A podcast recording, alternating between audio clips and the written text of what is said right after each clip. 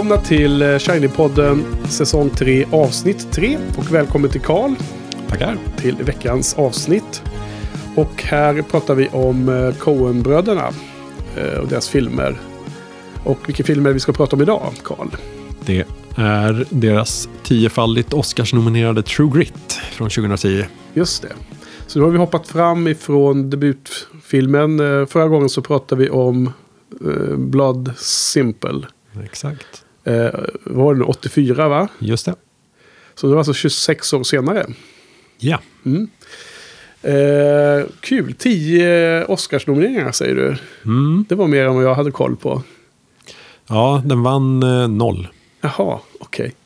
Lustigt utfall. Ja, Hur, var, hur kommer det sig tror du? eh, ja, borde inte vara konkurrensen. Det var King's Speech som eh, sopade banan med alla. Usch, den var så dålig tyckte jag. Den var riktigt eh, menlös.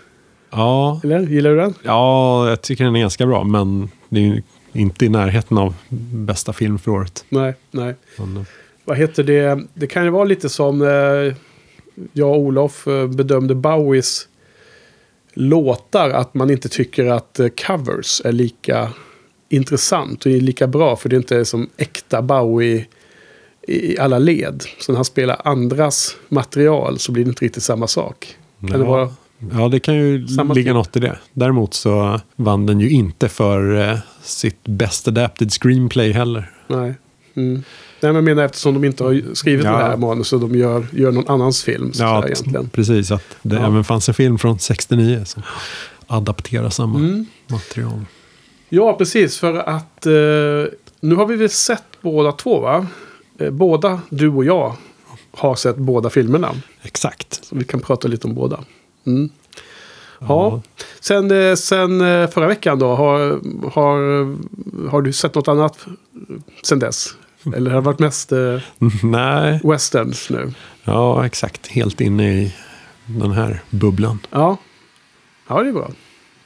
Jag har kollat lite på Westworld för övrigt, som också är westernorienterat. Ja. Det är ju tv-serien, HBO. Den ser inte du va? Nej, Nej. Men du vet att den pratas om mycket nu? jag har hört det. Ja, Jag har precis. fått den rekommenderad från många håll. Ja, men du är, eh, håller emot. Stålsätter mig. Ja.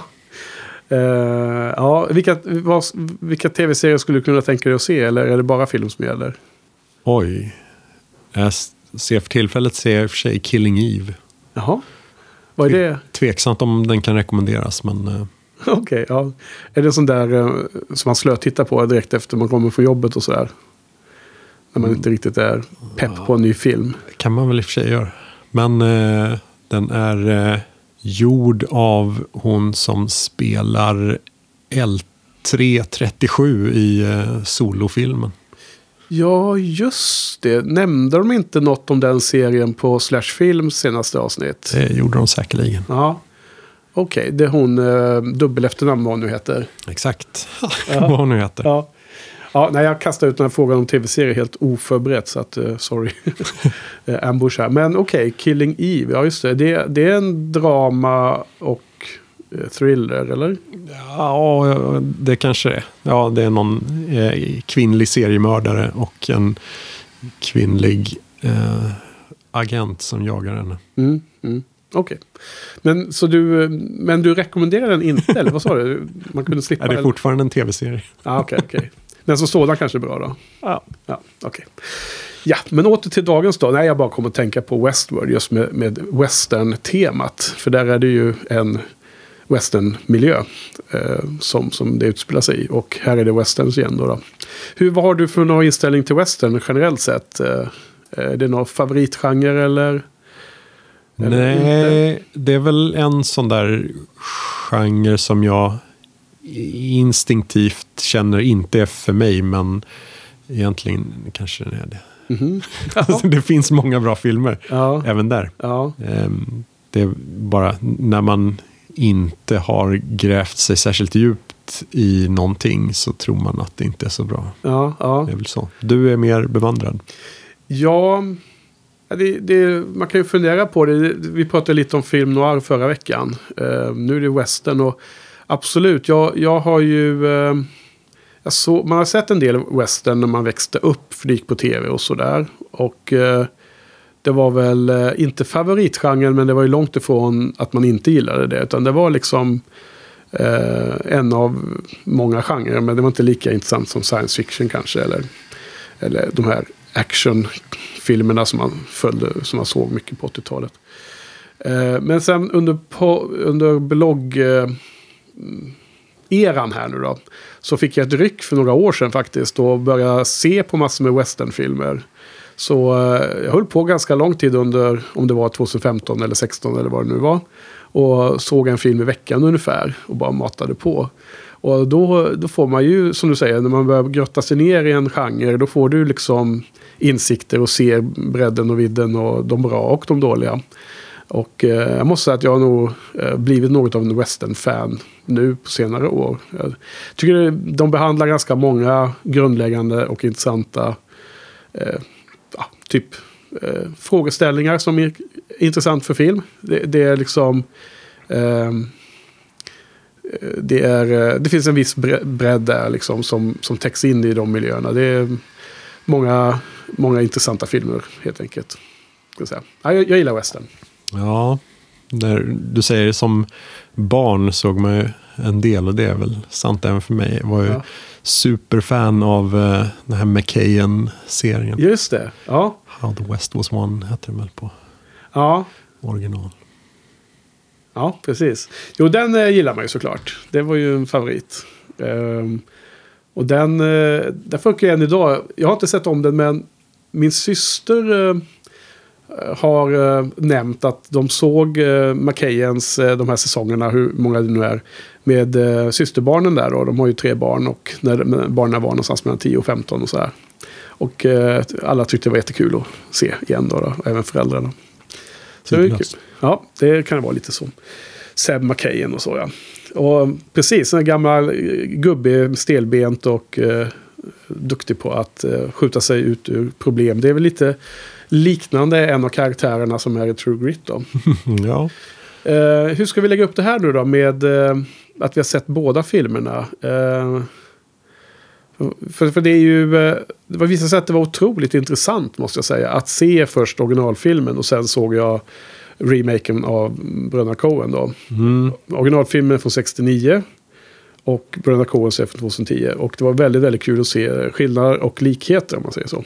Ja, de själva påstår ju som vanligt att det är inte en remake på filmen från 69 utan det är en adaption av boken. Mm. Och, eh, och det kan nog stämma därför att man märker ju en del skillnad framförallt i andra halvan av filmen. Och det står även på Wikipedia eh, att om man läser om boken på Wikipedia engelska eh, att Bröderna Coens film är mer nära bokens eh, handling än vad eh, filmen från 69 är då. Så mm. de har tydligen följt mer.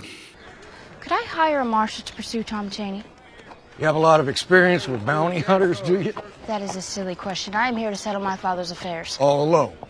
Well, I'm the person for it. Mama was never any good at sums and she could hardly spell cat. I intend to see Papa's killer hanged. Så uh, vad handlar den om? Ja, ska jag dra lite kort då och göra ett försök på en sy synopsis. Eh, det handlar om eh, True Grit. Eh, för, för, vi kommer ju spoila det här väldigt mycket nu när vi pratar. Det så gäller alla avsnitten Ja. Bara säger den varningen. Och eh, förhoppningen är ju att lyssnarna har sett filmen då. då. Men lite kort handlingen är det ju om den 14-åriga Matty Ross vars eh, pappa har blivit mördad av en anställd eh, hjälp som heter Tom Cheney. Eh, när de var iväg för att eh, köpa hästar. Och hon beger sig då till den stan där pappan blev mördad. Och eh, får veta att han, Tom Cheney, har eh, flytt ut in i indianreservat av något slag. Indian country. Och där har inte den vanliga sheriffen eh, mandat. Men där, men där finns det vissa sådana här US Marshals eller vad de heter som, som kan jaga efter eh, brottslingar. Och då vill hon då eh, hyra eller ge uppdrag till den, den hårdaste och eh, elakaste av sådana här eh, Marshalls. Är, är, är det Marshalls som kallas det? Jag kommer inte ihåg. Ja. just det. Ja, Det är skitsamma egentligen. Eh, och då är det då han Roaster Co- Coburn, eller vad heter han? Ehm, som spelas av John Wayne i den gamla filmen och av Jeff Bridges i den nya. Och flickan då, Matty Ross, spelas av Kim Darby i den 60-talsfilmen. Och Hailey Steinfeld då, eh, den, den, eh, eh, i den nya varianten. Ehm, sen finns det då en tredje viktig figur som är då en eh, US, vad heter det, Texas eh, Ranger som också är på jakt efter den här Tom Cheney för ett annat brott, ett mord av en senator nere i Texas och han heter Mr. La, LaBeouf, LaBeef, eh, beroende på vilken film. Eh, de uttalar det lite annorlunda i den 60-talsfilmen, lustigt nog. Eh, och han spelas av, eh, vad heter han, Matt Damon i den nya. I den gamla kommer jag inte ihåg vad han är. Det är Glenn Campbell, sångaren. Jaha, är han sångare? Jajamän. För jag känner inte igen honom så mycket som skådis direkt. Men han har en annan... Vilken, är han med i något band eller är han soloartist? Nej, eh, ja, han är väl framför allt känd som solartist. Han har gjort eh, eh, till exempel Galveston. Jaha, okej. Ja, ja. Jag känner inte igen honom. Varken namn eller utseende. Vilket fall som helst så är det då um, flickan, 14-åringen och eh, de här två eh, lagermännen som jagar efter Tom Cheney i Indian Country. Och eh, Cheney har då slagits eh, ihop med ett, ett eh, så här, eh, gäng brottslingar som leds av Lucky Ned Pepper eller något sånt där hette han va? Ehm, och ehm, ja, filmen slutar med att de får tag på de här figurerna och eh, de onda männen blir dödade. Ju. Och ja. Matti hamnar i en skreva där det finns en eh, skallerorm och blir biten.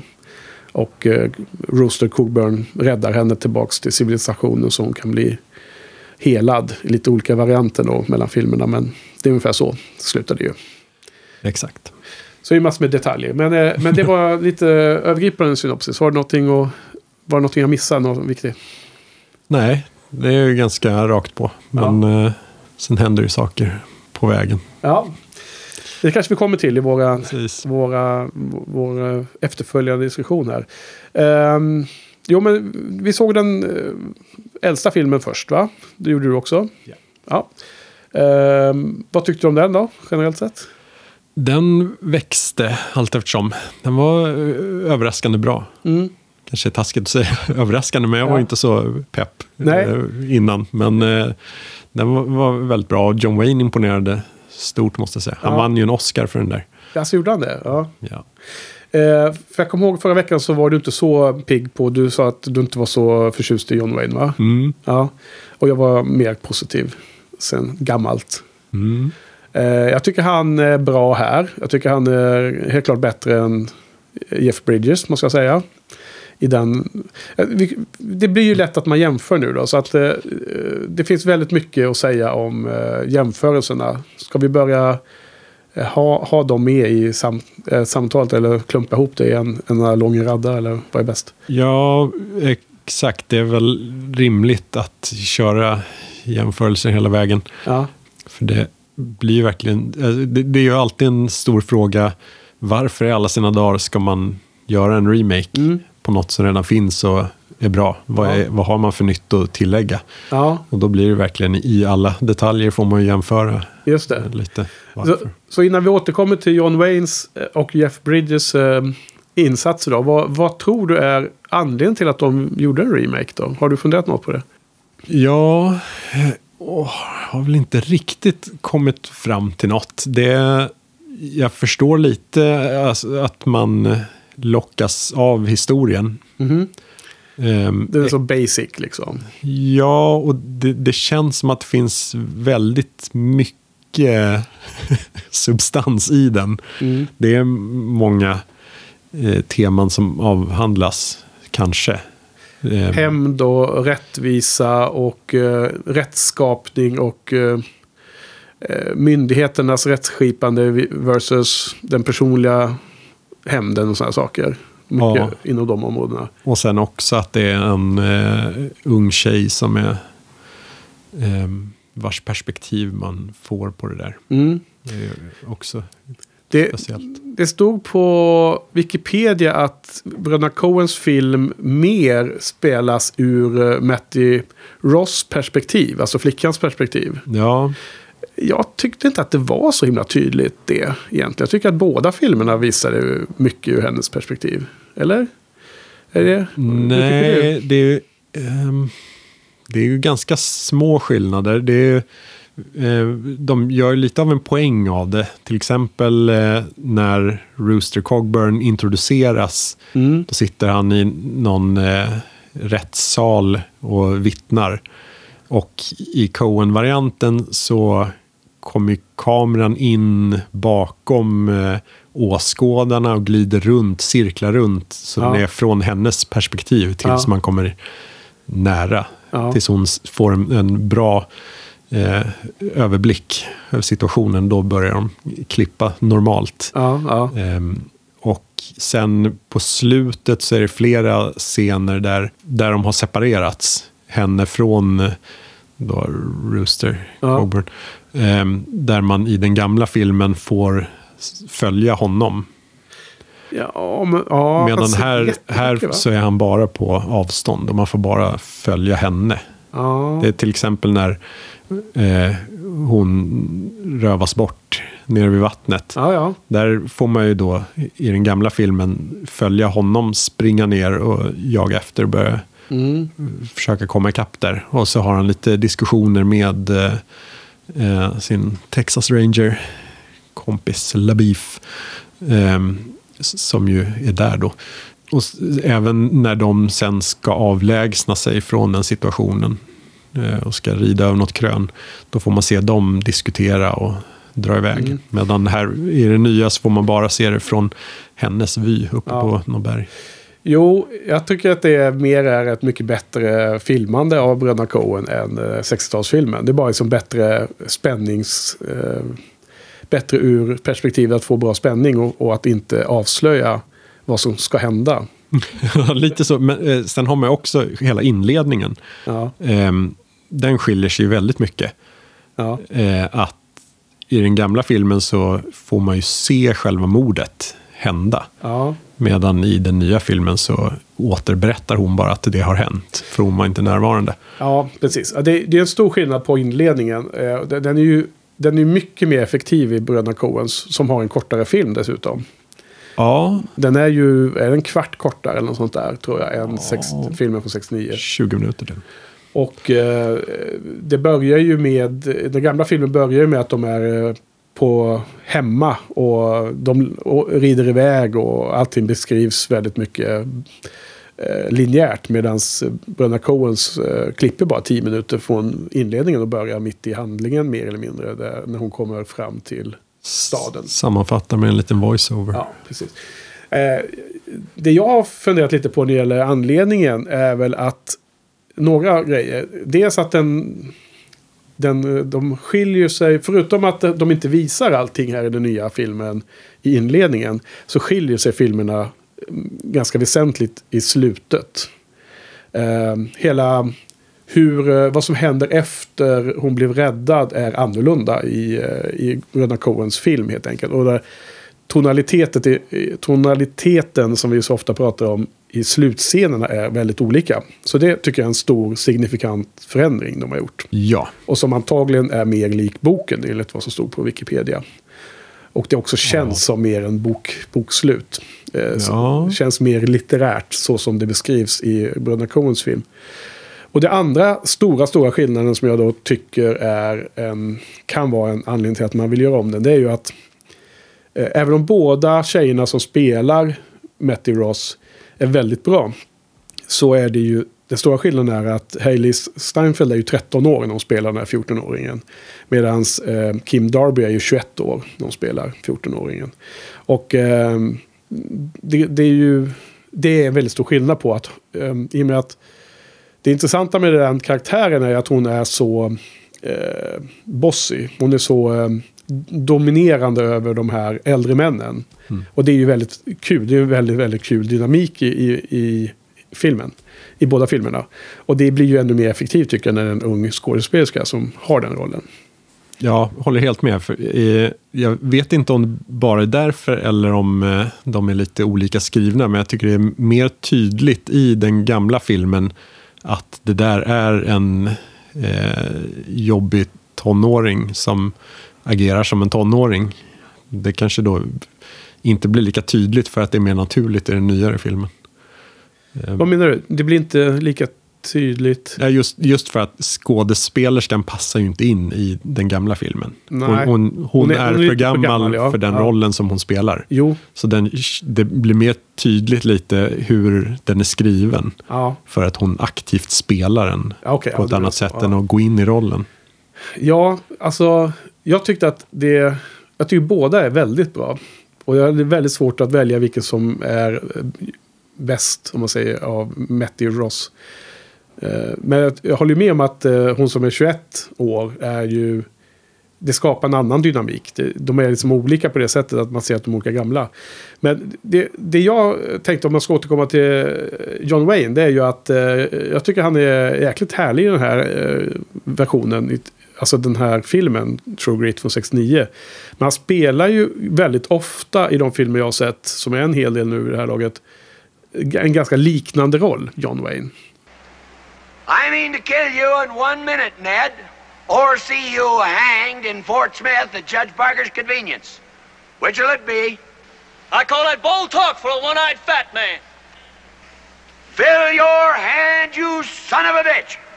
han är ofta den seniora, den erfarna, den som take charge och den som är liksom god, genomgod och så vidare. Eh, här är han ju en ganska, spelar en ganska annorlunda roll mot vad han brukar vara. Här är han ju liksom mer en, en eh, suput och en ja, slarver i någon mening. En, en liksom, han är inte så här solid, han är inte någon man kan lita på 100%. Han är liksom mycket mer vinglig i sin... Eh, karaktären är skriven liksom som en en, en, eh, en eh, ja, finns några bra be- beskrivande ord jag söker här nu. Men eh, jag menar, under filmens gång så bygger de ju en relation som blir mer fader-dotter-relation. Och i slutet så är han ju mycket mer ett, ett äkta stöd till henne i den filmen än vad han är i början. Och, och så som han börjar är i alla fall inte det normala hur John Wayne brukar vara i filmen. Då, I de karaktärer han brukar spela. Så jag tyckte att den, den, den, den eh, att det var annorlunda kändes ganska kul att se. Om man säger så. Ja, den, eh, just hur deras relation utvecklas blir ju lite olika mellan dem, känns det som. Ja. Bland annat just för att slutet är så himla olika. Ja. För det, det är ett ganska... Det är ett snällt slut i, i gamla filmen. Ja, den är ju verkligen... Eh, den eh, glorifierar ju hela den där västern-eran på ett helt annat Ja, sätt. ja. Den nya filmen är väl... Den är ganska hård mot eh, hela den tiden. Ja, men den är ju som mer realistisk. Den är hård mot... Uh, det För det var ett hårt liv då. Ja, Där, där förlorar hon ju armen. Det gör hon ju inte i den gamla filmen. nej. Eh, Han lämnar henne när hon fortfarande är eh, medvetslös. Så att hon, de har inget avsked.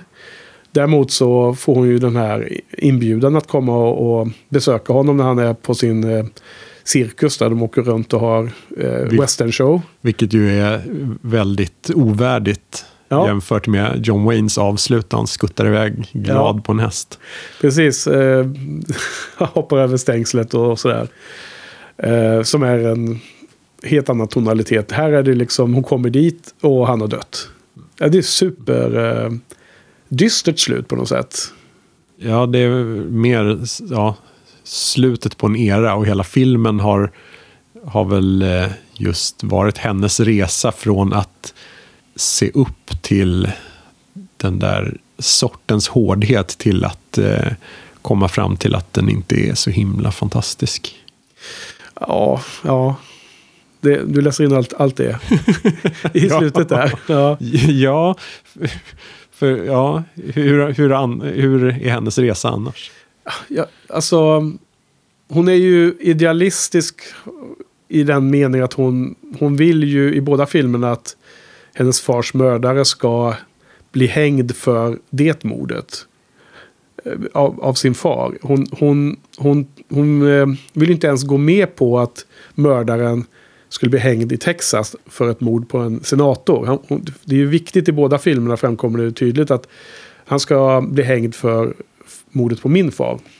Och det, är liksom, det känns som det här eh, rättsskipandet och synen på att det, ska, att det är rätt och det är rättvisa och det är, eh, det, är det hon, hon har som mål. Liksom. Eh, sen när man, i slutet på Coens film så är hon ju 40 drygt va? Det ska vara 25 år efter. Eller runt 40 är hon då. Ja.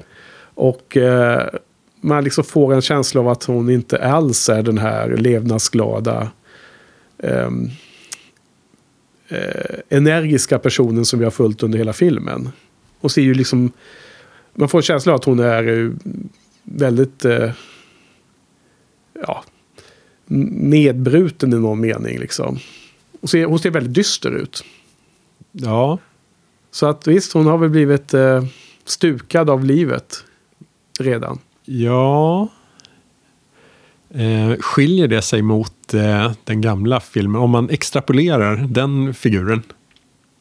Ja, det är väldigt svårt att spekulera i det, tycker jag. Jag vet inte om man, man ser några sådana tendenser. Det känns som att de helt har skippat slutet av boken. Och velat eh, avbryta det. Men hon, hon pratar ju om... I den gamla filmen så, så följer ju Co- Coburn John Wayne med henne hem då.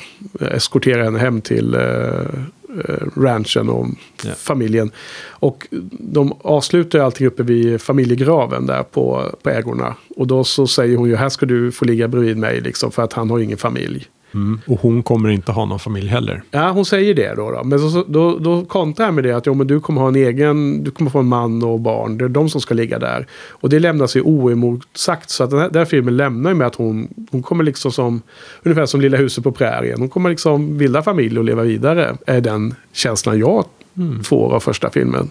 Det är inte känslan jag får. Nej. Ehm, utan det är ju en, en väldigt viktig del av hela den här historien som de hela tiden petar på men inte riktigt går in i. Ja. Jag undrar lite hur det är i boken. Det är ju Ja. att just att hon är en tydlig pojkflicka där, en tomboy. Mm. Mindre så kanske med Hailey Steinfeld, men eh, alla påpekar ju att hon är oattraktiv och hon är ju mer intresserad av att fixa räkenskaper, åka på jaktresor med sin pappa. Eh, eller, ja, ut och jaga. Ja. Ehm, och sånt snarare än att eh, försöka bilda familj. Ja. Jo, hon fyller, fyller ju inte någon slags eh, stereotypisk eh, flicka på 18 slutet på 1800-talet. Som jag, som jag gissar att det här utspelas. Ja, exakt. Slutar 1880. Ja, okej. ja. Jag sökte där på Wikipedia men hittade inte den infon. Stod på gravstenen. Jaha, okej. bra, bra. Där ska hon spana. Ehm, ja, nej, jag, jag ser, ser ju slutet. Det, det här med tonaliteten är ju väldigt stor skillnad. Bara för att det, det känns som ett eh, mer glätt, glatt, glassigt eller glättigt slut i den gamla. Och att det då inte skulle vara så en så liksom som dyster framtidsutsikt för henne där då. Men det, Mm. det finns ju säkert där i boken eftersom Coens har gjort den här, sin version av filmen, eller sin film mycket mer lik boken enligt vad det stod. Mm. Det är en, en, känns som en, en eh, ett viktigt någon sorts genusperspektiv på det hela. Att eh, hon inte riktigt har någon plats i den där Ja. världen. För hon är ju inte, hon, hon är ju så här extremt, eh, på ett aggressivt sätt otrevlig mot de två gubbarna som hon pratar med och som får reda på att han, ko, eh, ko, Rooster, har dött tre dagar tidigare när hon dyker upp vid cirkusen där då. Ja. Eh, och de är väl också några kändisar, men ja, W- Wild Bill Hickok eller vem det nu var som, det var någon av dem där man tyckte man kände igen någon namn där. Eh, för de åkte väl omkring så, de här riktiga westernhjältarna i, histori, i historien. De åkte omkring på sådana här ambulerande cirkusar och, och hade skådespel med cowboys mot indianer och sådana saker. Eh, vilket verkar vara lite absurt. Men det, jag tror det, det liksom hände en hel del sånt. Då. Ja.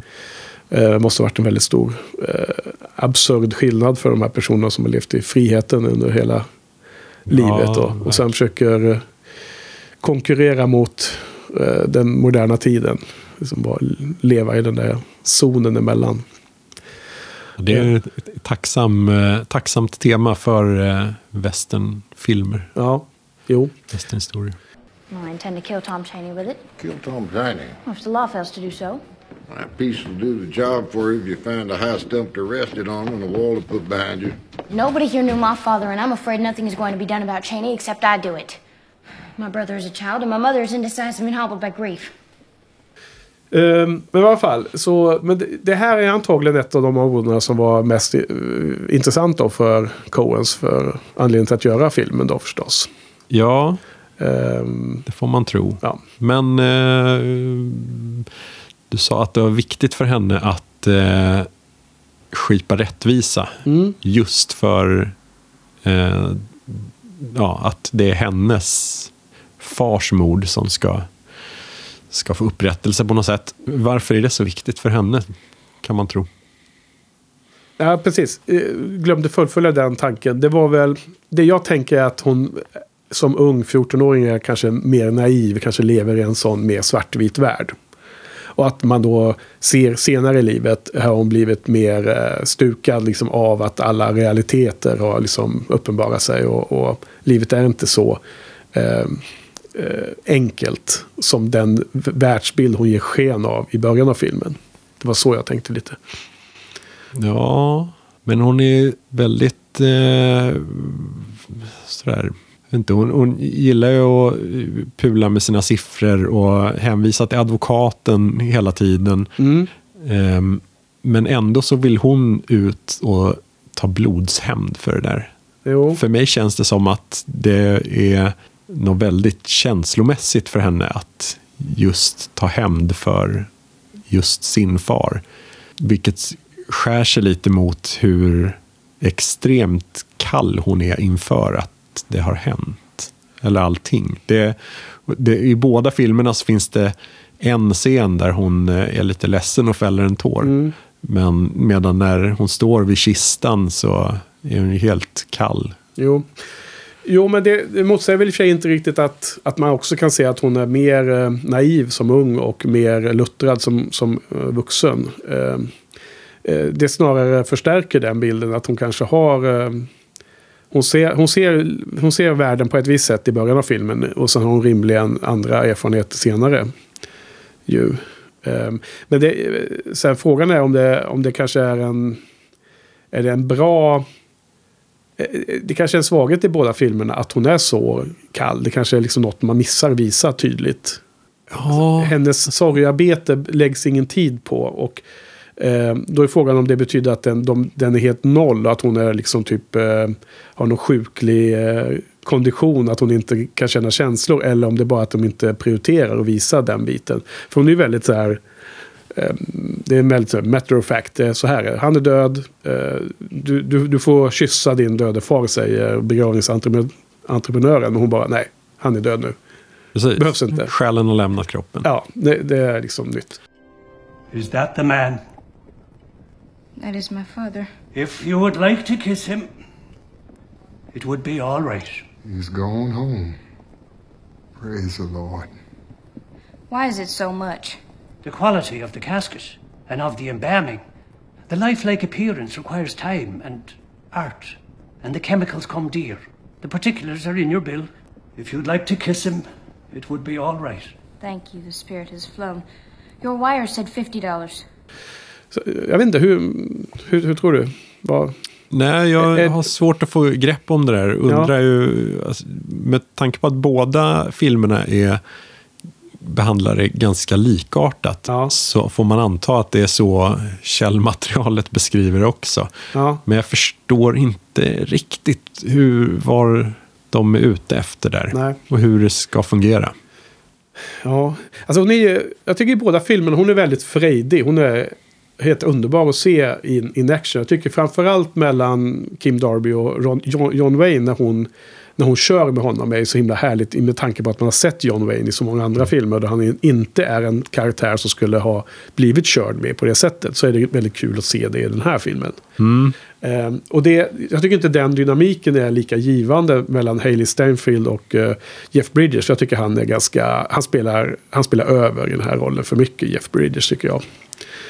För mig.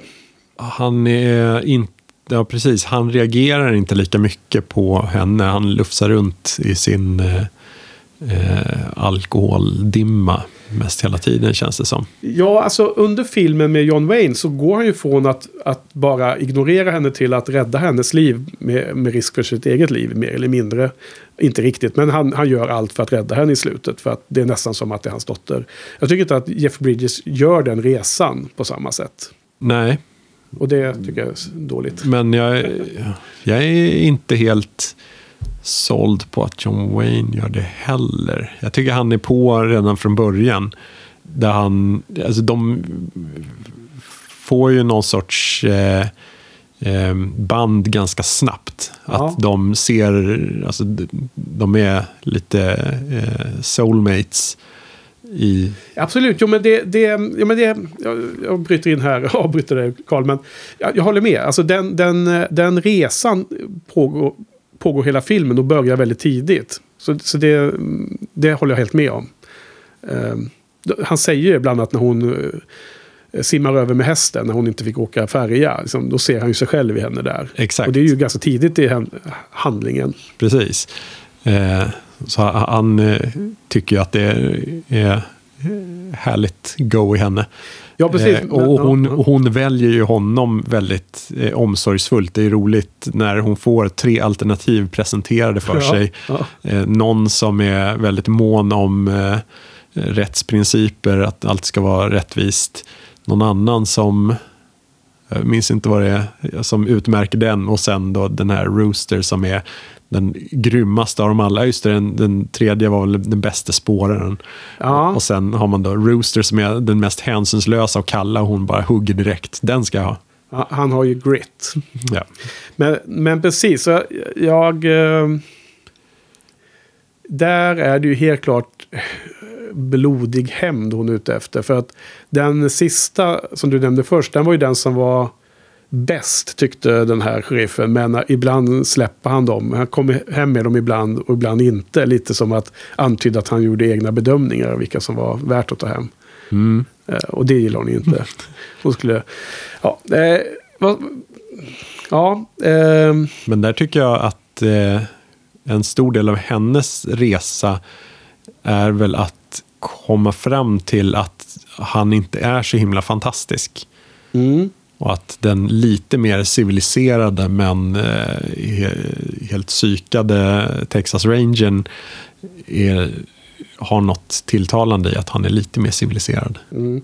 Jo, men hon har ju sina ups and downs och hon är liksom missnöjd med hur det blir. eh, Framförallt i Coens film, va? I, eh, I början av tredje akten, om man säger så. Ja, När hon, eh, hon säger till och med till Matt Damon där att jag skulle ha valt dig istället. Eller något sånt där. just det. Ja. Ja.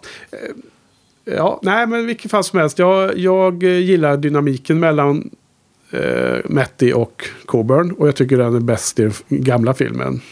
Men jag tycker att Hailey Ste- Steinfeld är jättebra i den här filmen. Alltså, och, eh, vid sidan av då dynamiken till Jeff Bridges som jag tycker är svagare i kortet så tycker jag att hon eh, spelar rollen fantastiskt i vilket fall om man säger så. Där, och speciellt med tanke på att hon är 13 år där då så är det så mycket Ja, precis. det är en så stor För- fördel tycker jag för filmens skull att hon är så ung när hon spelar den här rollen. Ja, verkligen. När hon kliver in och rullar hans cigaretter direkt Ja. så känns det lite som att det där har hon gjort för sin far kanske. Mm. Så att det blir direkt eh, bonda, den relationen.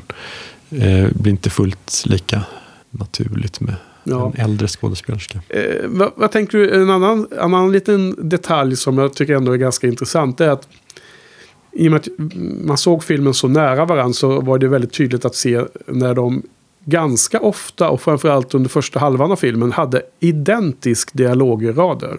Ja. Eh, vilket jag tycker var ganska kul att eh, lägga märke till. Det var som att man bara bockade av de olika ikoniska linesen som fanns.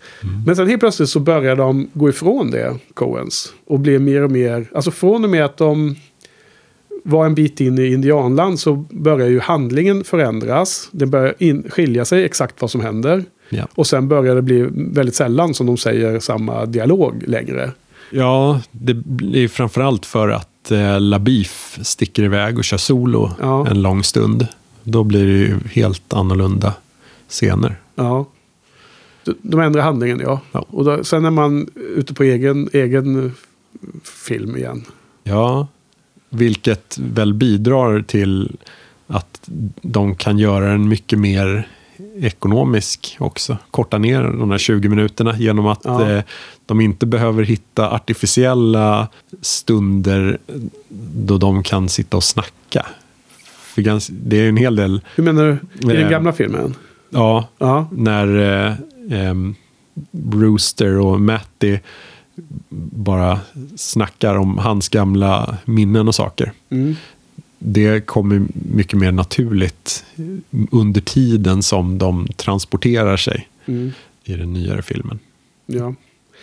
Ja, generellt sett så är ju, det finns ju många områden där Coens film är mycket bättre, skulle jag säga. Eh, till att börja med då, vad heter han nu då, din favorit här? Carter. Ja. Musiken är ju mycket, mycket bättre i den nya.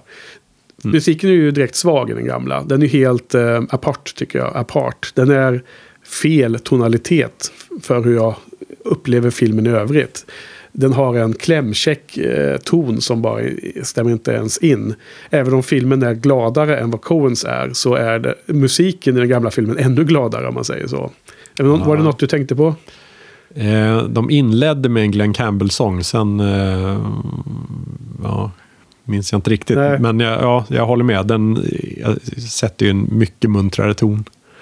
Ja, och det, det känns, till och med i den lite gladare versionen så känns det som fel. Eh, ibland när de har sån här, eh, någon passage när de bara rider och de ska ha någon bakgrundsmusik som bara ackompanjerar en, en, en scen som inte har dialog. Så är det någon sån här eh, jättehurtfriskig musik som, som är ja, väldigt konstig. Den annan skillnad som jag tyckte var väldigt tydligt är ju att den här advokaten som hon hänvisar till så mycket och framförallt i en äldre film har jag för mig att hon ännu oftare nämner att hon har den här advokaten, eh, vad hette han nu då, Digget eller något sånt. Daggett. Daggett. Eh, jag, eh, när jag såg filmen, eh, första gamla filmen, så eh, trodde jag länge att hon, det var bara något som hon eh, lurade folk med. Att det var hennes street smartness som kom fram. Och eh, sen så fick- man i slutet se att han fanns, vilket var ja, en liten kul Vilket detalj. väl John Wayne reagerar på också. Och säger jaså, han fanns verkligen. Ja, det kanske han gjorde till och med. Ja, ja precis. Sen i den nya filmen så har man helt tagit bort den lilla dynamiken. Genom att ha den personen prata jag-form och vara en voiceover och berätta bakgrunden. Ja, precis. Han, Och han, han Det- skickar något brev. Man man får se hur han har skickat ett brev och sådana saker. Hon, hon ska skriva något kontrakt med hästhandlaren eller vem det är. Just det. Eller är det kontrakt med John Wayne? Äh, med Coburn, jag kommer inte ihåg. Eh, men det, det tyckte jag var lite synd att de så att säga ändrar på det. det. Så tänkte jag också till en början, men eh, sen... Alltså de väljer att fokusera på andra saker. Det kanske är klokt. Att Ja. det inte ska vara någon lustig twist som hänger över det. De är ju ute efter andra dystrare saker. Jo, även om jag inte tyckte att det var en lustig twist som var värdet i det. Utan det var, det var mer... Eh, det blev mer effektivt att kunna lära sig vem hon är och ha alla de här olika upplevelserna i huvudet innan man liksom blev avslöjad vad som var i hennes... Eh, eh, I verkligheten eller vad hon bara liksom använde sig av en, en, en eh, påhittad advokat för att uppnå sina mål. Hon, hon gjorde ju liknande... Alltså, hon, hon, hon manipulerar ju den vuxna världen för att få fram sina mål. Vilket är en ovanlig eh, sak att se i, i speciellt gammal film. Att en så ung tjej, flicka, gör det. Liksom. Det, det, är en, det är en del av det, av det som är själva huvudpoängen med filmen tycker jag, den dynamiken. Och då var det kul att, att man inte fick veta det i minut ett, liksom, att den här advokaten fanns som stöd för henne. Men det blir en annan dynamik ändå. Att det säger ju något annat om henne. Att man hela tiden alltså, undrar ifall hon bara är en bra hästhandlare eller om hon är liksom påläst och har det här stödet och snackar ärligt. Ja. Eh, det är ju två väldigt olika personligheter. Så det är kanske är lika bra att man vet från början att hon eh, bara är ärlig och säger som det är. Jo, eh, jag vet inte om det är 100 procent, eh, eh, om det är en 180 graders skillnad på karaktärerna bara av detta skäl. Men visst blir det en, en viss skillnad blir det ju. Men var, varför tror du att de väljer detta då? Eh, att de vill ha det på det här sättet. Jag tycker att det är bättre i slutändan då, eller vad, vad är anledningen? Ja, de vill nog etablera henne som lite mer just orutinerad och inte fullt så världsvan och självsäker mm, så att hon kan just bluffa sig fram. Utan att hon eh, kör hårt på ja, mer ärligt. Ja. Det är också intressant då att den äldre filmen så är hon då mycket äldre. Åtta Ja. år äldre. Att det kanske liksom går hand i hand lite där då med den äldre personen. Det, det är svårt att... De, hon säger att de är 14 men det, är- det är som ofta med, med film att tonåringar spelas av de som är mellan 20 och 25 och då känns det ju inte riktigt som att det är tonåringar. Nej, Nej. Eh, Det finns ju ganska många scener där när hon är på den här boarding house och hennes första interaktioner med La, LaBeouf och så. Det är också lite där att hon, hon står ju upp ordentligt för sig själv där medan de fokuserar inte riktigt på det i Coens film. precis. Han kommer in lite på ett annat sätt där. Ja. Som ett jäkla creep. Eller hur? Ja. Han dyker upp i hennes sovrum när hon ligger i sängen. Så bara han sitter där. Det är Matt Damon-filmen ja. Ja, Precis. precis. Det är första scenen där när så, han... ja, där han då i, senare i samma scen eh, säger att han funderade på att stjäla en kyss av henne. Ja. Och denna 14-åring. Ja, precis. Det är ju liksom när hon då står upp mot honom så blir han ganska störd på henne. Så han är ju liksom, har en beef med henne i början känns det ju som. Ja, Så att egentligen är det på något sätt det är nästan mellan henne och LaBeef som är den intressanta utvecklingen under filmen. Och inte lika mycket mellan henne och eh, Rooster Cogburn kanske. Ja, eh, precis. I den gamla filmen så handlar det väldigt mycket om att hon ser Rooster i ett annat ljus ju mer hon får reda på om honom. Ja, Medan i den nyare filmen känns det ju som att han är ganska samma sak, men att hon får se världen mer och då och, eh, ändra synen på, på Labif mer. ja. Även om han är ju äh, jäkla störd. Ja. Fast eh, Matt Damon måste man ju dock älska. Hans, eh, Måste man det? Ja, han, eh, han vann ju direkt när han eh, presenterar sig som Texas Ranger. Den presentationen är så himla underbar. Men vad är han säger då?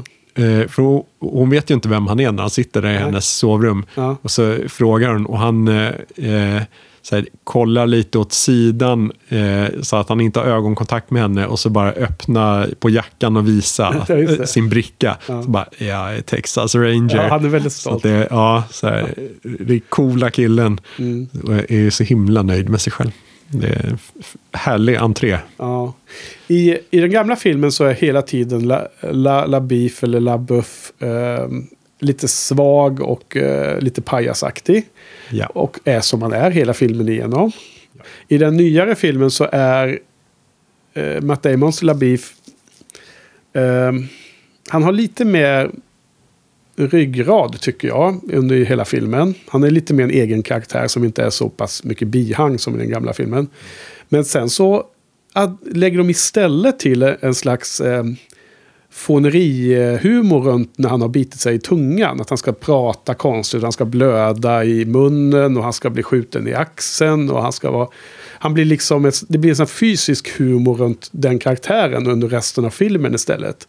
Han, han är hela tiden halvskadad resten av filmen. Ja, Hur, hur, hur ska man se på det? Ja, det mycket märkligt beslut, men det kanske är taget från boken. Eh, Men det blir ju ändå som du säger att eh, Glenn Campbells version, då är han lite av en pajas hela tiden.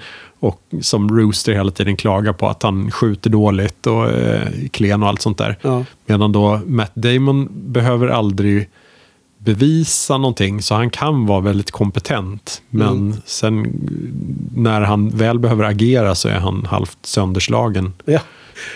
Han, han är helt usel där första gången de träffar på skurkarna och blir fångatagen och nästan dödad och sådär. Skjuten av... En Rooster då, hävdar han. ja, precis. Eh, Och det, eh, det är liksom som att han är ingen... Han levererar inte på det han lovar i, i sitt agerande. Han får väl aldrig riktigt chansen där.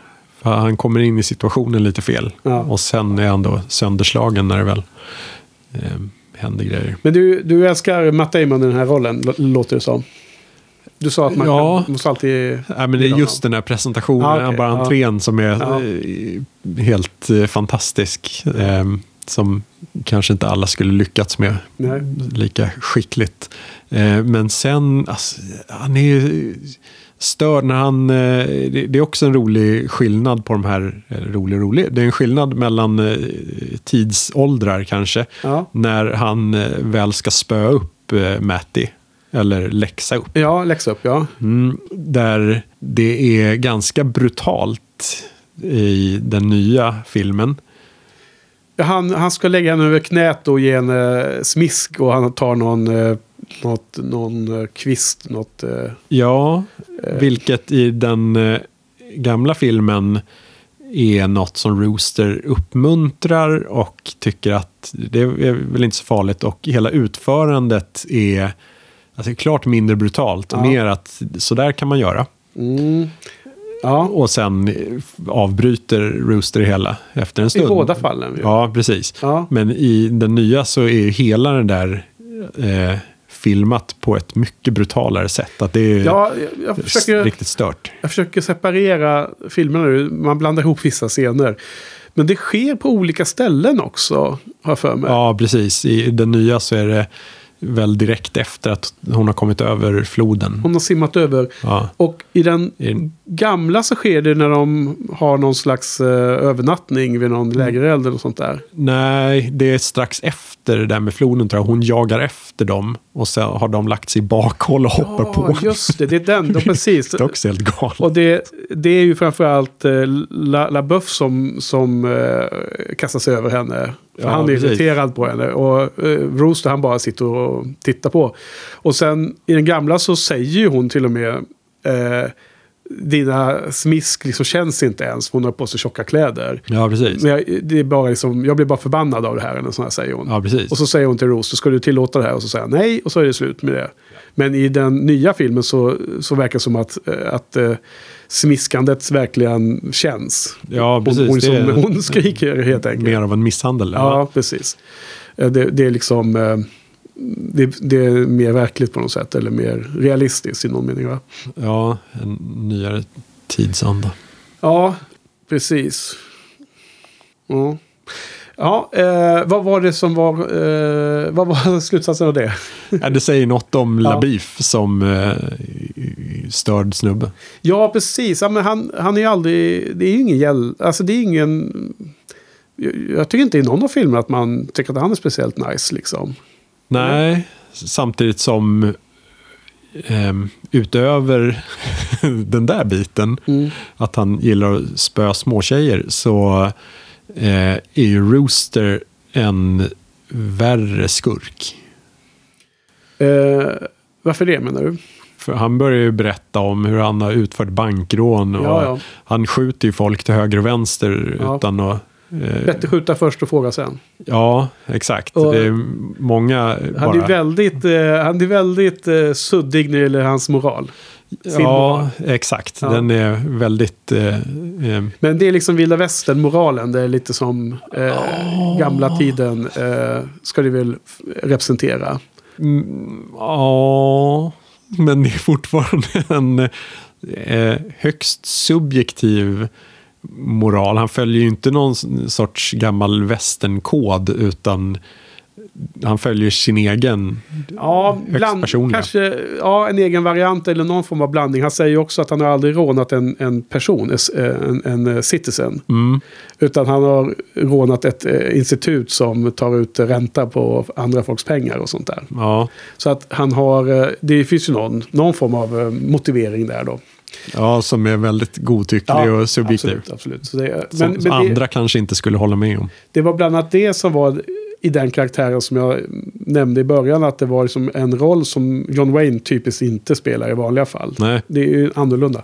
Sen, sen angående den här, eh, du sa misshandla småflickor. Jag tror att när Labif eh, ska eh, eh, ge sig på Matty där så är det mer ett i en kontext att det var en tidsera när föräldrar agade barn. Alltså mer som standard. 1800-tal. Eh, Ja. Är man ol, ol, olydig så får man smisk. Och här hade de två vuxna beordrat henne att vända tillbaka till stan och inte följa med ut på den här eh, jakten på mördare. Men hon var olydig. Så det var ju som, det är ju den, att det, det, det är ju liksom, det är ju den kontexten som de spelar upp här. Så, ja, så är nog texten. Ja. Eh, men Coens variant av det tolkar jag som mycket mer fördömande Ja, över den för tiden. den är gjord 2010 också.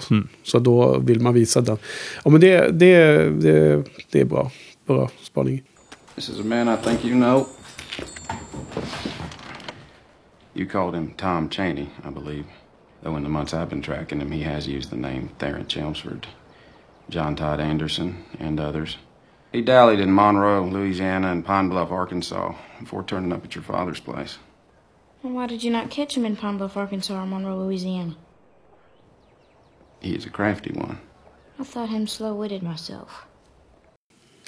Vad kan vi säga om den här Tom Shaney då? Vi har ju knappt pratat om honom under första timmen av poddningen. Och eh, med rätta därför att han har ju nästan ingenting att göra i filmen. Nej. Han omnämns ju bara och i den nya filmen är det ju... Eh, du står still huvudet på mig. Josh Brolin. Ja. Eh, och som då typ står som namn nummer två eller sånt där absurt. Eller tre menar jag. Tre Ja. är det. Han är ju inte med många sekunder i filmen. Nej. Eh, och eh, i den gamla filmen vet jag inte ens vad skådespelaren heter. För där är det ju den här eh, Lucky Ned Pepper som är mer viktig. För det är ju Robert Duvall som spelar honom ju. Just I den gamla. Och här är det han, vad heter han? Han brukar alltid vara sån där slime. Som spelar Ned Pepper i den nya. Kommer du ihåg vad han heter? Sån där birollsskådis. Som man ser ibland men som inte lägger, lägger namnet på, på minnet. Ja, jag har sett honom i alla fall i andra filmer. Eh, men vad, vad tycker du om Josh Bro- Brolin då? Eh, han blev väl hyllad för den här rollen också. Nej, Blev han det? Jag vet inte. Han är ju med så himla lite. Jo, alltså det, det enda jag har gå på det, det är att jag hörde på Filmspotting nyligen där de eh, eh, pratade om eh, den här filmen och nämnde att han var så bra där då. Jag tror att de nämnde Josh Brolin generellt sett och så nämnde de även True Grit då. Så att jag fick den känslan att det var en allmän sanning. Okej. Men, men jag har svårt att se att han är så fantastisk. Jag menar, det, han är väl okej. Ja, för, för, det, för det som behövs. Men Ja, men det kunde, liksom inte kunde det vi- vem som helst gjort. ja, det är inte det viktigaste som händer i filmen direkt. Det är långt därifrån. Nej, vad, eh, vad tycker du om de olika valen som man gjorde? Just att eh, låta honom dyka upp precis på slutet bara. Jämfört med den första, då man får se honom i första scenen. Just det, man får ju se honom där. Ja, precis. Eh, när de rider iväg och så. Det... ehm, ja, jag har inte tänkt på den frågan så jättemycket. Men jag tycker att eh, det är klart att det skapar en mer att... Åskå- I den nya filmen får åskådaren mer bilda sin egen bild av den här onda mannen. Och det kan man ju alltid liksom fantisera mer än, än vad det sen är. Det, det, det är ju eh, åskådarens egen eh, mytbildning i huvudet under filmens gång blir ju en aspekt som Ja. händer. Va? Medan eh, i första filmen så får man förvisso se honom men man har ju ingen koll på personen. Så jag tycker att de är, de är ganska likvärdiga ändå med hennes jakt efter den här. Ja. Eller vad tycker du? Nej, jag kände snarare att det var ett eh, värdelöst beslut eh, i den här nya. Jaha. För när man väl ser honom vid, vid eh, vattnet där Ja. så vet man inte vem det är. Man har Nej. fått beskrivningen att ja. han har en svart jox på kinden. Ja. Och det är först då man får förstå vem det är. Ja. Ehm, vilket eh, kunde vara rimligt i en annan film. Att man inte riktigt ska förstå vem det är direkt. Men här ser man det från hennes perspektiv. Så känner ju hon igen honom. Jo. Hon har ju sett honom och det borde ju tittaren också göra. Så att Jo, man men- direkt vet att det är ju han. Men får du inte veta det direkt då? Du ser ju hennes reaktion direkt. Ja, precis. Men det är information som hon har. Och ser vi det från hennes perspektiv så är det information vi borde ha också. Jo. Men, men även i Coens film, tycker du inte att man ändå får se det så snabbt? Så att det liksom, att den, den tidsdifferensen, Nej. nej, Eh, det duger inte. nej. det, det är svårt att separera det eftersom jag visste det efter att ha sett den gamla filmen precis innan. Ja. Eh, och jag minns inte hur det var första gången jag såg Nej, du spekulerar filmer. att den här saken är en miss i deras, Ja, i deras val. lite konstruerat. För det tycker jag också att den här inledningsscenen som de valde att klippa bort. Ja. Den etablerade också en, lite av relationen mellan henne och hennes far. Som Ja. man helt missar i nya filmen. Vilket också är Man, man, missat. man grundar hennes... Eh, att hon var en, som en partner, i, i businesspartner till sin far. Hon var med och skötte gården med honom på ett annorlunda sätt. Så man förstod det bättre. Precis. Så man förstod att hon var liksom mer vuxen än sin ålder i någon mening. Ja, och att han verkligen stöttade att hon hade sin egna eh, roll som inte var kanske standard för en Nej, liten nej. Så egentligen om man tar den inledande scenen så är den mer anpassad för Coens slut. För att knyta ihop cirk eller eh, binda ihop eh, cirkeln, eller vad man ska säga här, med eh, Matthew Ross som karaktär. Den personen som ung och sen som, som 40-åring när hon är ogift och Mm. tämligen bitter som det verkar som i någon mening. Ja, Eller, ja, eller påverkad av livets hårdhet eller vad man nu ska beskriva det som. Medan eh, de, de, filmerna har ju varsin scen här. De har ju splittat på det. mm. ja, Ja, nej. konstigt nog. ja. Ehm, men, men jag vet inte om man ska säga att väldigt mycket av, vid sidan av eh, att jag tyckte Wayne var bättre, att jag tyckte att slutet var mer eh, eh, skönare i den gamla filmen.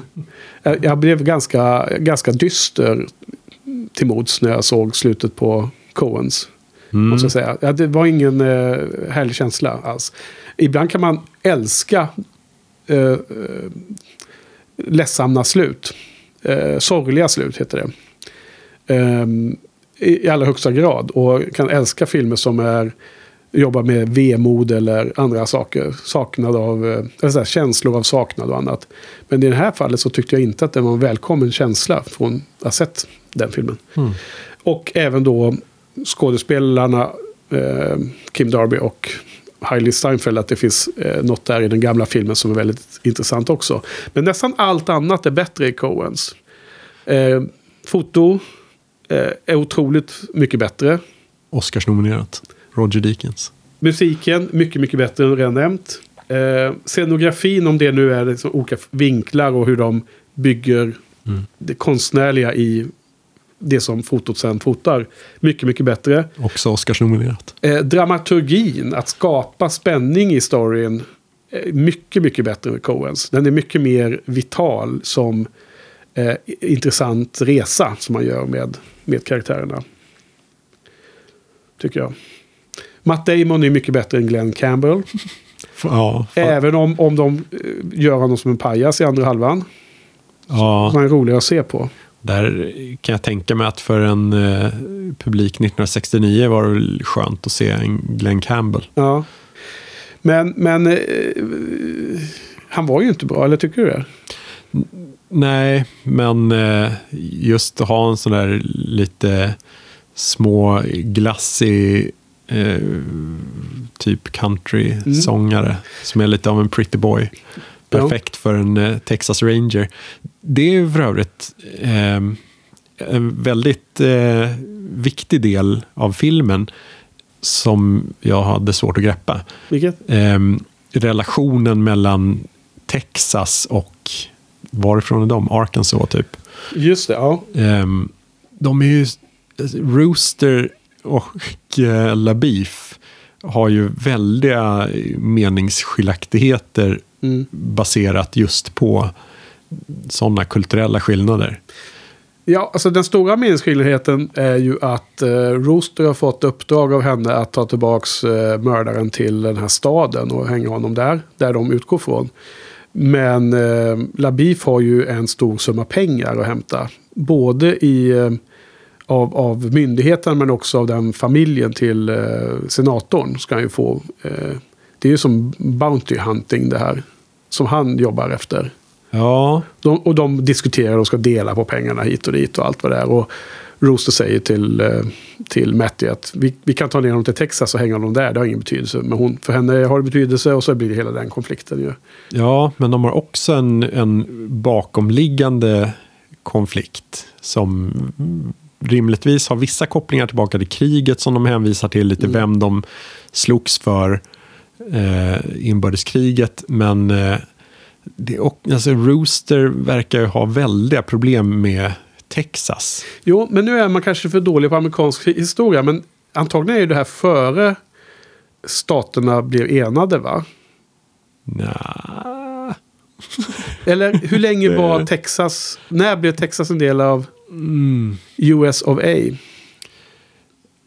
Ja, det kanske man borde veta. Ja, det borde man veta. Men, det får du, eh, du, får, du får klippa in det. men ja, precis. Hitta något Men- eh, ljud. Men alltså- det är ju eh, någorlunda långt efter inbördeskriget i alla fall. Eh, precis. Ja, vänta nu. När är inbördeskriget? Till se- 65 va? Tror jag. Ja, det är ju på andra halvan av 1800-talet skulle jag säga. Så att det är inte jättelång tid efter. Om det slutar 1880 det här. Och det, och det är 25 Ja. år. Nej, du, du menar 1880 stod i den gamla filmen när hon kom hem eller? Då, då eh, utspelas den här, Precis, för är då Historien. pappan blev sjuk. Ja, exakt. Okej, så att då, är det, så det är 15 år. Ja, Ja, så det är inte en gigantisk lång tid. ja det, nej. Nej. Men eh, det var i alla fall tillräckligt för att ja, de ska fortfarande ha viss historik. Att Mm. de här snubbarna har slagits i kriget, men det har ändå gått tid Jo, så att det har lugnat. Jag, jag kommer ihåg när jag såg filmerna så var det så att tanken om inbördeskriget liksom kom in i huvudet och sen bara försvann ut med en gång. Utan att behandlas. Det var som studsade. Mm. Det, det fanns där. Jag, jag minns nu när du tar upp frågan att den fanns där. Men jag, jag landade den aldrig. Är det så att Rooster var på sydstatssidan och eh, Texas Ranger var på nordstatssidan? Eller är det den uppfattning man ska ha? Det känns så, va? Ja, det känns så. Eh, Labif säger väl något att han... Eh, Han, han kritiserar ju den, den eh, general eller vad det nu är som Rooster har, har, har eh, varit i under hans befäl. Ja, jag Och- undrar om det är någon man ska känna till. Att det är någon som, alltså för det fanns ju vissa sådana som blev mer eh, eh, bara frilans. Ja, precis. Mer, mer, Marauders. ja, exakt. Ja. Och, Och det var ju från sydsidan. ja, och du, någon sån var ju han. Jo, Helt klart. Han, så han, han är ju genom rutten. ja.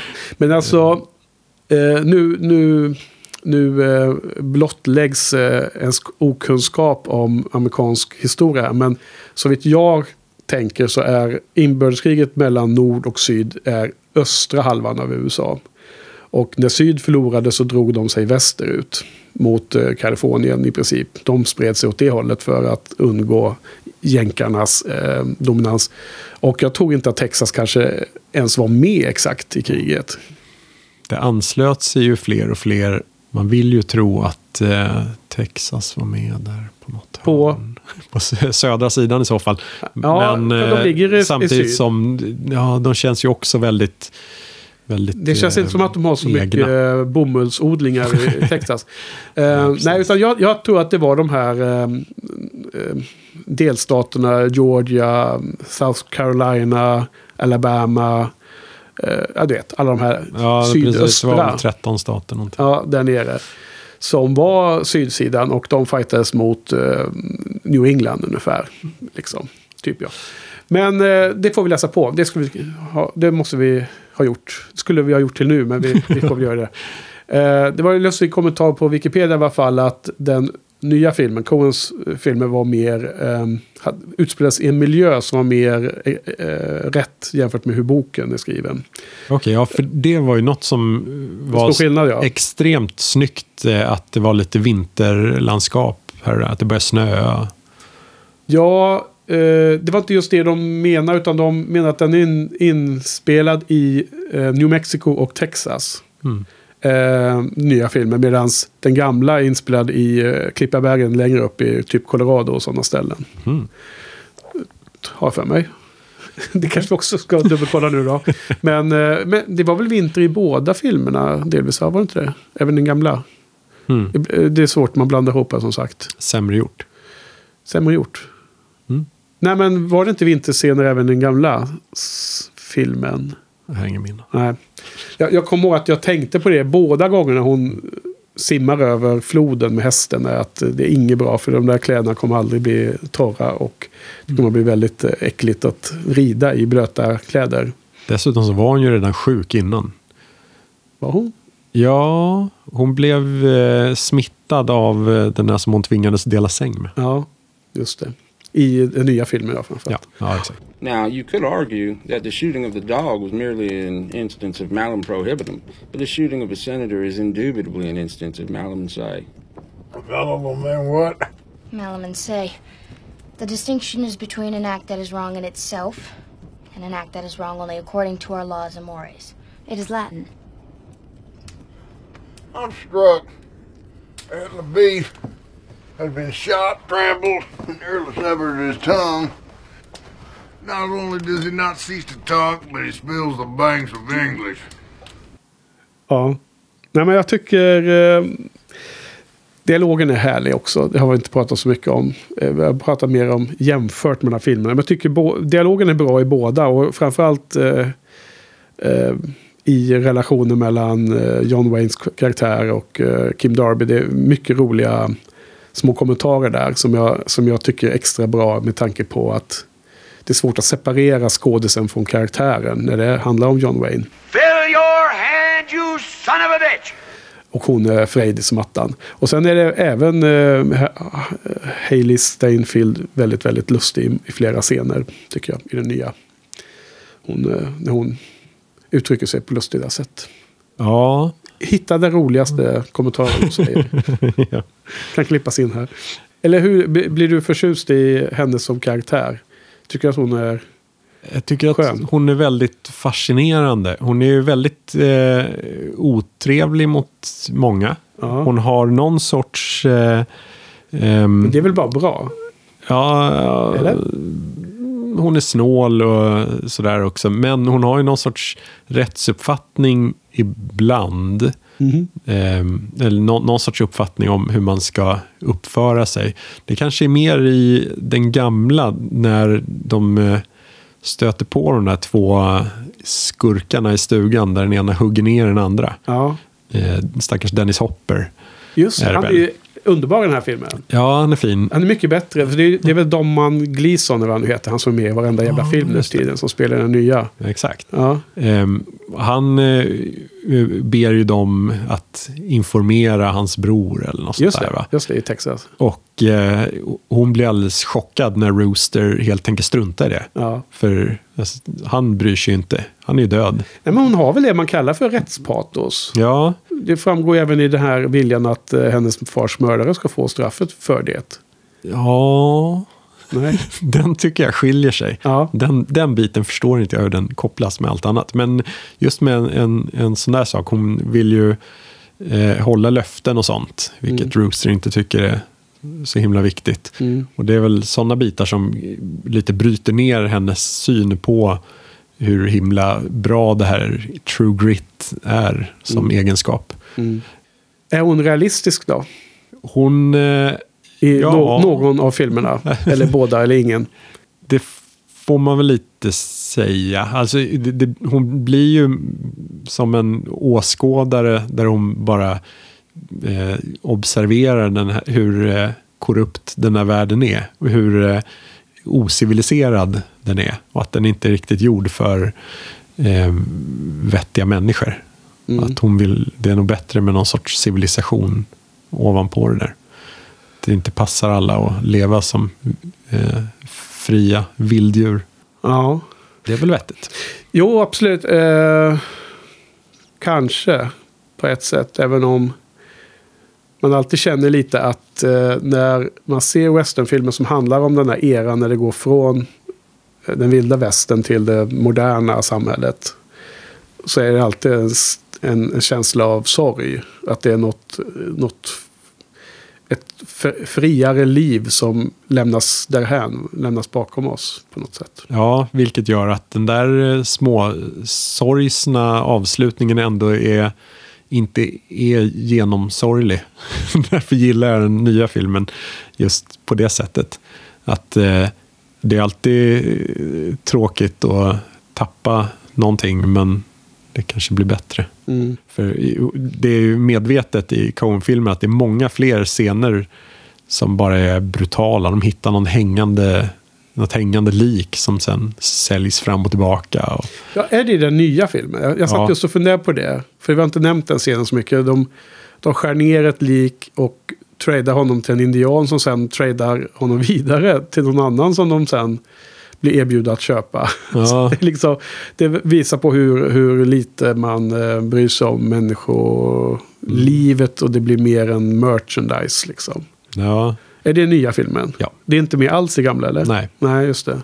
Fasen, jag blandade ihop det. Jag trodde det var den gamla filmen plötsligt. Något annat som också är mer nya är ju när de når den där lilla handelsboden. Ja, Så, ja det, det är en bra scen. Ja. så sitter två små indianungar där. Ja. Som eh, Jeff Bridges, den ena bara sliter ner i backen och den andra sparkar den i ryggen. ja, men varför gör han det då? Helt omotiverat. Nej, absolut inte. Jo, Nej, men- den, inte den första. De har- Nej, sitter ju och, eh, båda sit, håller ju på att tortera en häst. Ja, men Med, med vassa eh, pinnar. ja, en Och stackars hästen, åsna. häst, äh, åsna, häst, whatever.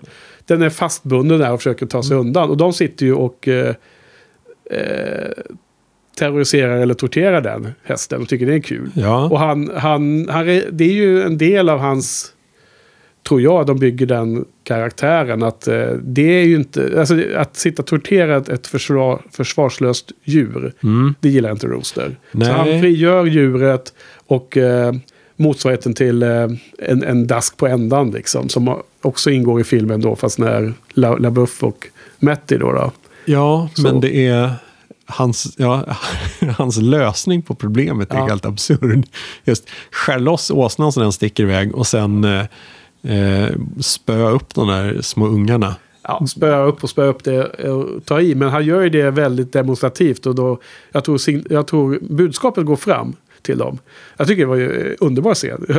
Jag tyckte den var rolig. Ja. Och eh, även ganska träffande på något sätt. Sen när han kommer ut igen efter att ha pratat där inne en kort stund så sparkar han ner en av barnen igen. Ja, Och- exakt. Och det är väl lite omotiverat Ja, det är lite overkill, men det är väl liksom, den här läxan ska ni lära er nu liksom. Ja, jag undrar ifall det finns ett eh, mått av rasism hos honom. Det må vara. Han- det, han skulle Det passa- fanns säkert i, det, i den eran väldigt mycket. Ja, han skulle passa bra i eh, The Hateful Eight. Ja. ja, men liksom, betyder det att... Hur menar du? Är filmen rasistisk då? Eller? Nej, men han är. Ja, precis. Nej, men det är... Ja, det är ju... Eh, det är inte jättekonstigt att, att han... Man får en känsla av att han eh, är hejdlös och eh, gränslös när han är inne i Indian country och söker bovarna som han får betalt för. Och man blir inte speciellt överraskad över att han är hård eller svin, ett svin mot även lokal, alltså infödingarna eller indianerna. Då. Nej. Så för mig passar det in i, i karaktären. Man blir inte överraskad. Jag varit lite mer förvånad om La, LaBeouf hade gjort det. Och man har blivit jättemycket mer förvånad om eh, Matty Ross hade gjort det. Ja, då hade de Ja. definitivt varit Eller å förvånande. andra sidan så kanske hon också skulle reagerat hårt på att de eh, terroriserade åsnan där då. Det skulle hon nog också kunna bli väldigt arg över, känns det som.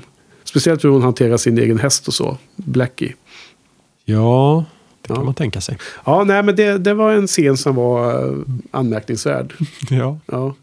Men det, det är mycket sånt där som bara bygger på till att eh, han framstår som mer och mer av eh, problematisk. Ja, el- ja, precis. Och en eh, produkt av sin tid väldigt mycket. Men just det där, är det han som då ska vara rättsskipare i den tiden? måste man vara så genomrutten för att klara av det och vara effektiv?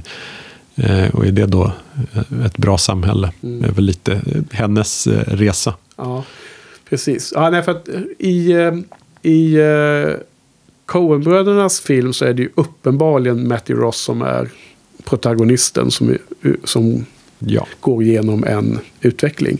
Och i den gamla filmen så är det inte lika tydligt. Där är det nästan lika mycket Roaster som är protagonisten känns det som. Ja, precis. Så det är lite olika perspektiv som vi nu har blottlagt. Ja, så de lyckas med det. Även om eh, Jeff Bridges var nominerad som eh, bästa manliga huvudroll och Hailey Steinfeld som bästa kvinnliga biroll.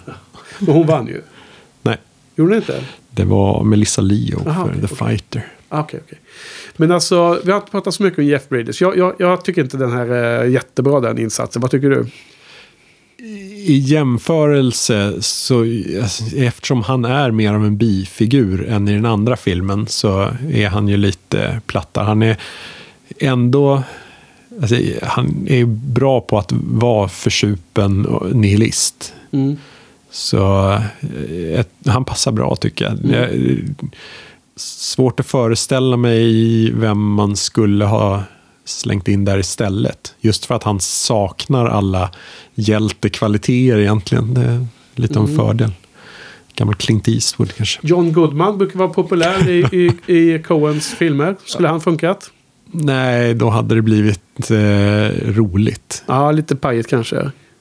Ja. Det, det hade varit bra, men det hade blivit en helt annan ton i hela filmen. Ja. Ja, nej, jag, så jag håller på att välja ut nya skådespelare i olika roller. Det är ingenting jag brukar eh, Josh Brolin kanske. roa mig med. Nej, ja, precis. Ja, okej. People did not give it credence that a young girl could leave home and go off in the wintertime to avenge her father's blood, but it did happen. I was just 14 years of age when a coward by the name of Tom Cheney shot my father down and robbed him of his life and his horse and two California gold pieces that he carried in his trouser band. Ja, något man kan eh, kommentera på är att de använder sig av ganska mycket voiceovers, eh, Coen. Är nya ja. Ja, vilket de inte gör i den gamla filmen alls. Det är ju gärna, alltså det är populärt när man adapterar en bok. Jo. Eh, Men är det bra med voiceovers? Är inte det en big no-no egentligen?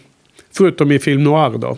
Ja, exakt. Det är ju det. Eh, ofta, om det är gjort dåligt. Ja. Ehm, och här kan man väl konstatera att som de gör det i inledningen så hade det varit bättre med den inledningsscenen från eh, den gamla filmen. Eh, Och ja, det känns lite onödigt här och där. Men eh, de gillar ju sånt. Du får eh, bara kommentera bättre med inledningsscenen. Jag tycker att att haft en inledningsscen men mer effektivt berättad, kortare. Jag tycker att eh, Ja. den gamla filmen är lite långsam i början. Den är lite seg. Ja. Alltså mer, mer åt att den är, den är liksom, den eh, kommer inte igång lika. Nej, man kunde ju behållit hennes perspektiv. Just Mm. se när de eh, lämnar och sen eh, får hon dödsbudet Ja. och åker in till stan. Eh, sen då voice-overn tror jag att det väljer de väl kanske för att man ska få den här känslan att hela filmen är ju då berättad från framtiden, från när hon är 40. Det, det är som att hon berättar sin story liksom. Det får man ju den här, eh, för det är väl den vuxna Matti som är voice-overn. Det är väl lite brev som skickas till höger och vänster som är uppläst av den som skrev brevet. Kommer inte ihåg. Ja, vi, vi behöver inte grotta oss ner i det. Ja, Klippa hela avsnittet. ja. Papa took me and little Frank coon hunting last summer on the Petty Jean. We were in the woods all night. We sat around a big fire and y'all all told ghost stories. We had a good time. Coon hunting? This ain't no coon hunt. It is the same idea as a coon hunt. Don't come within 40 miles of being You were just trying to make hunt. your work sound harder than it is. Here's the money. Now I am to get Tom Cheney, and if you are not game, I will find somebody who is game. All I've heard out of you so far is talk. I know you can drink whiskey and snore and spit and wallow in filth and be moan your station. The rest has been braggadocio. They told me you had grit, and that is why I came to you. Vad tyckte du, uh, vilken film är bäst av de två? Jag tycker att de kompletterar varandra ganska väl. Ja. För att ge en, en eh, helhetsbild. Jag blir lite nyfiken på boken. Ja. Just för att båda filmerna är och petar i vissa teman som känns underutvecklade. Som kanske får mer utrymme i boken. Ja, det ska ju enligt min kompis Frans vara en klassiker. Så att det kanske är värt att läsa den av det skälet också. Mm. Eh, funderar du på att göra det nu eller? Det är kanske Eller- du, dumt att påstå. Jag kommer väl knappast göra det. Men det vore, Det, det får räcka med att känna en viss nyfikenhet. Men som inte blir eh, agerad på. finns gränser. Ja. Okej, men jag håller med. De kompletterar. De, har, de, de ger olika saker, det tycker jag i alla fall också. Eh, men skulle jag välja någon så tycker jag ändå att Coens film är bättre. Som helhet. Ja, det Eh, måste man väl säga. det, det är hårfint men eh, det är ju klart bättre med en ung flicka i den rollen än en ung kvinna. Det gör, ja, det gör en väldig skillnad. Och hon är ändå den viktigaste figuren. Jo, så hon är bra här, Hailey eh, Stein, Stein, Steinfeld. Va? Ehm, sen om jag skulle se om dem, det är, då är ju frågan om man ändå skulle välja en gamla bara för att det är John Wayne. Men, men det, det kan ju vara för, för att uppfylla någon annan typ av eh, behov då. Att vilja se mer av honom. Men eh, betyg då? Vad, vad, vad, vad, sätter du på filmerna? Ja, Har du varit inne och skrivit på Letterboxd nu? nej, jag har inte kommit så långt. Nej. Har du sett Eh, mina betyg? Nej, Nej, okej. Ja. Tänkte att jag, jag lägger upp dem nu, men jag undrar om Karl ser dem så jag spoilar content här inför poddningen. mm. ja, det borde jag sett. Känns som att det, lätt blir lite betygsinflation när det kommer till Coen. För de gör ju väldigt bra filmer. Ehm, deras får väl en fyra igen, Ja, kan jag tänka mig. Och den gamla kanske får tre och en halv. det var så jag satt också. Jaha. Jag tycker det här var den bästa Coen vi har sett hittills. Jaha. Mm. Ja, det är väl rimligt. Jag tycker den eh, relationen, dynamiken mellan barnet, eh, flickan då, då och eh, eh, Rooster i båda filmerna är tillräckligt intressant för att höja. höja. Och jag håller med, fyra är ju högt betyg, alltså helt klart högt betyg. Och det var samma som jag satte på Blood Simple. Barton Fink fattar jag ju inte så den, den fick lägre. Så du uppskattar eh, när de inte har eh, originalmanus. Ja, precis. Det är slutsatsen. Tänk eh, just med ehm, också No Country for Old Men. Ja, Cormac McCarthy. Det är väl så att vi får väl dra slutsatser allt eftersom vi kommit in i olika eh, faser i den här poddningen. Ja. Se hur, hur listan utvecklar sig. Precis, det kanske blir upp till bevis eh, nästa vecka då. Ja, precis. Vilken är det som ska, vi ska behandla nästa vecka? Då är det The Lady Killers. Ooh. Ännu en remake. Ja, men det är kul nog. För då ska jag ta chansen, eller då måste vi givetvis se originalet också. Mm. Som jag tror är från 50-talet den här gången. Och det är i alla fall med Alec Guinness. Ja, Medan den här nya är då, för vilket år är den? 2004. Okej. Och där är då Tom Hanks. Eh, Ja. Tom Mellanmjölk Hanks som spelar huvudrollen. ja, Eller? Är det någon spännande skådis som du ser fram emot? Väljer du film för att inte Tom det Hanks är med? Mm. Nej, inte det minsta. Han kanske är lättmjölk till och med, eller minimjölk för dig. Ja, Ja, nej, jag, jag tycker han är ganska slätstruken. Han är ju bra, han är ju mysig som person, han är kul att se på intervjuer, men han hamnar ju ofta i ganska... Det är mycket Ron Howard-nivå över det, känns det som, hans skådespeleri. ja verkligen. Ja, men det blir kul. Eh, The Lady Killers har jag ju sett en gång. Eh, du har inte sett den va? Nej. Nej. Och jag hade ju eh, dålig upplevelse. Jag har alltid eh, hävdat att det är deras sämsta film. Så det ska bli jättespännande att bli överbevisad. Och eh, få ändra på den uppfattningen. Ja, de höll väl på att ta livet av eh, sin karriär där ett tag. Eller en gammal dam, trodde jag du skulle säga. Jaha, ja, Handlingen. det är en twist. Ja, okej. Okay. det kanske de gjorde. Jag vet inte. Vad, vad då? Vad hände? Var det något, var det något speciellt? Ja, vi kan återkomma till det nästa Okej, gång kanske. vi, vi tar det i eh, eh, inledningssnacket till den då. ja. Okej, nej men jättebra. Eh, kul, eh, True Grit. Det kan vi rekommendera då. Vi båda. Jajamän, Alla tre filmer hittills har vi kunnat rekommendera. för precis. Okej. Ja, men då på återseende om en vecka. Tack, Carl. Tack Henke. Tack för oss. I heard nothing more of the Texas officer LaBeef. If he is yet alive, I would be pleased to hear from him. I judge he would be in his 70s now, and nearer 80 than 70. I expect some of the starch has gone out of that cowlick. Time just gets away from us.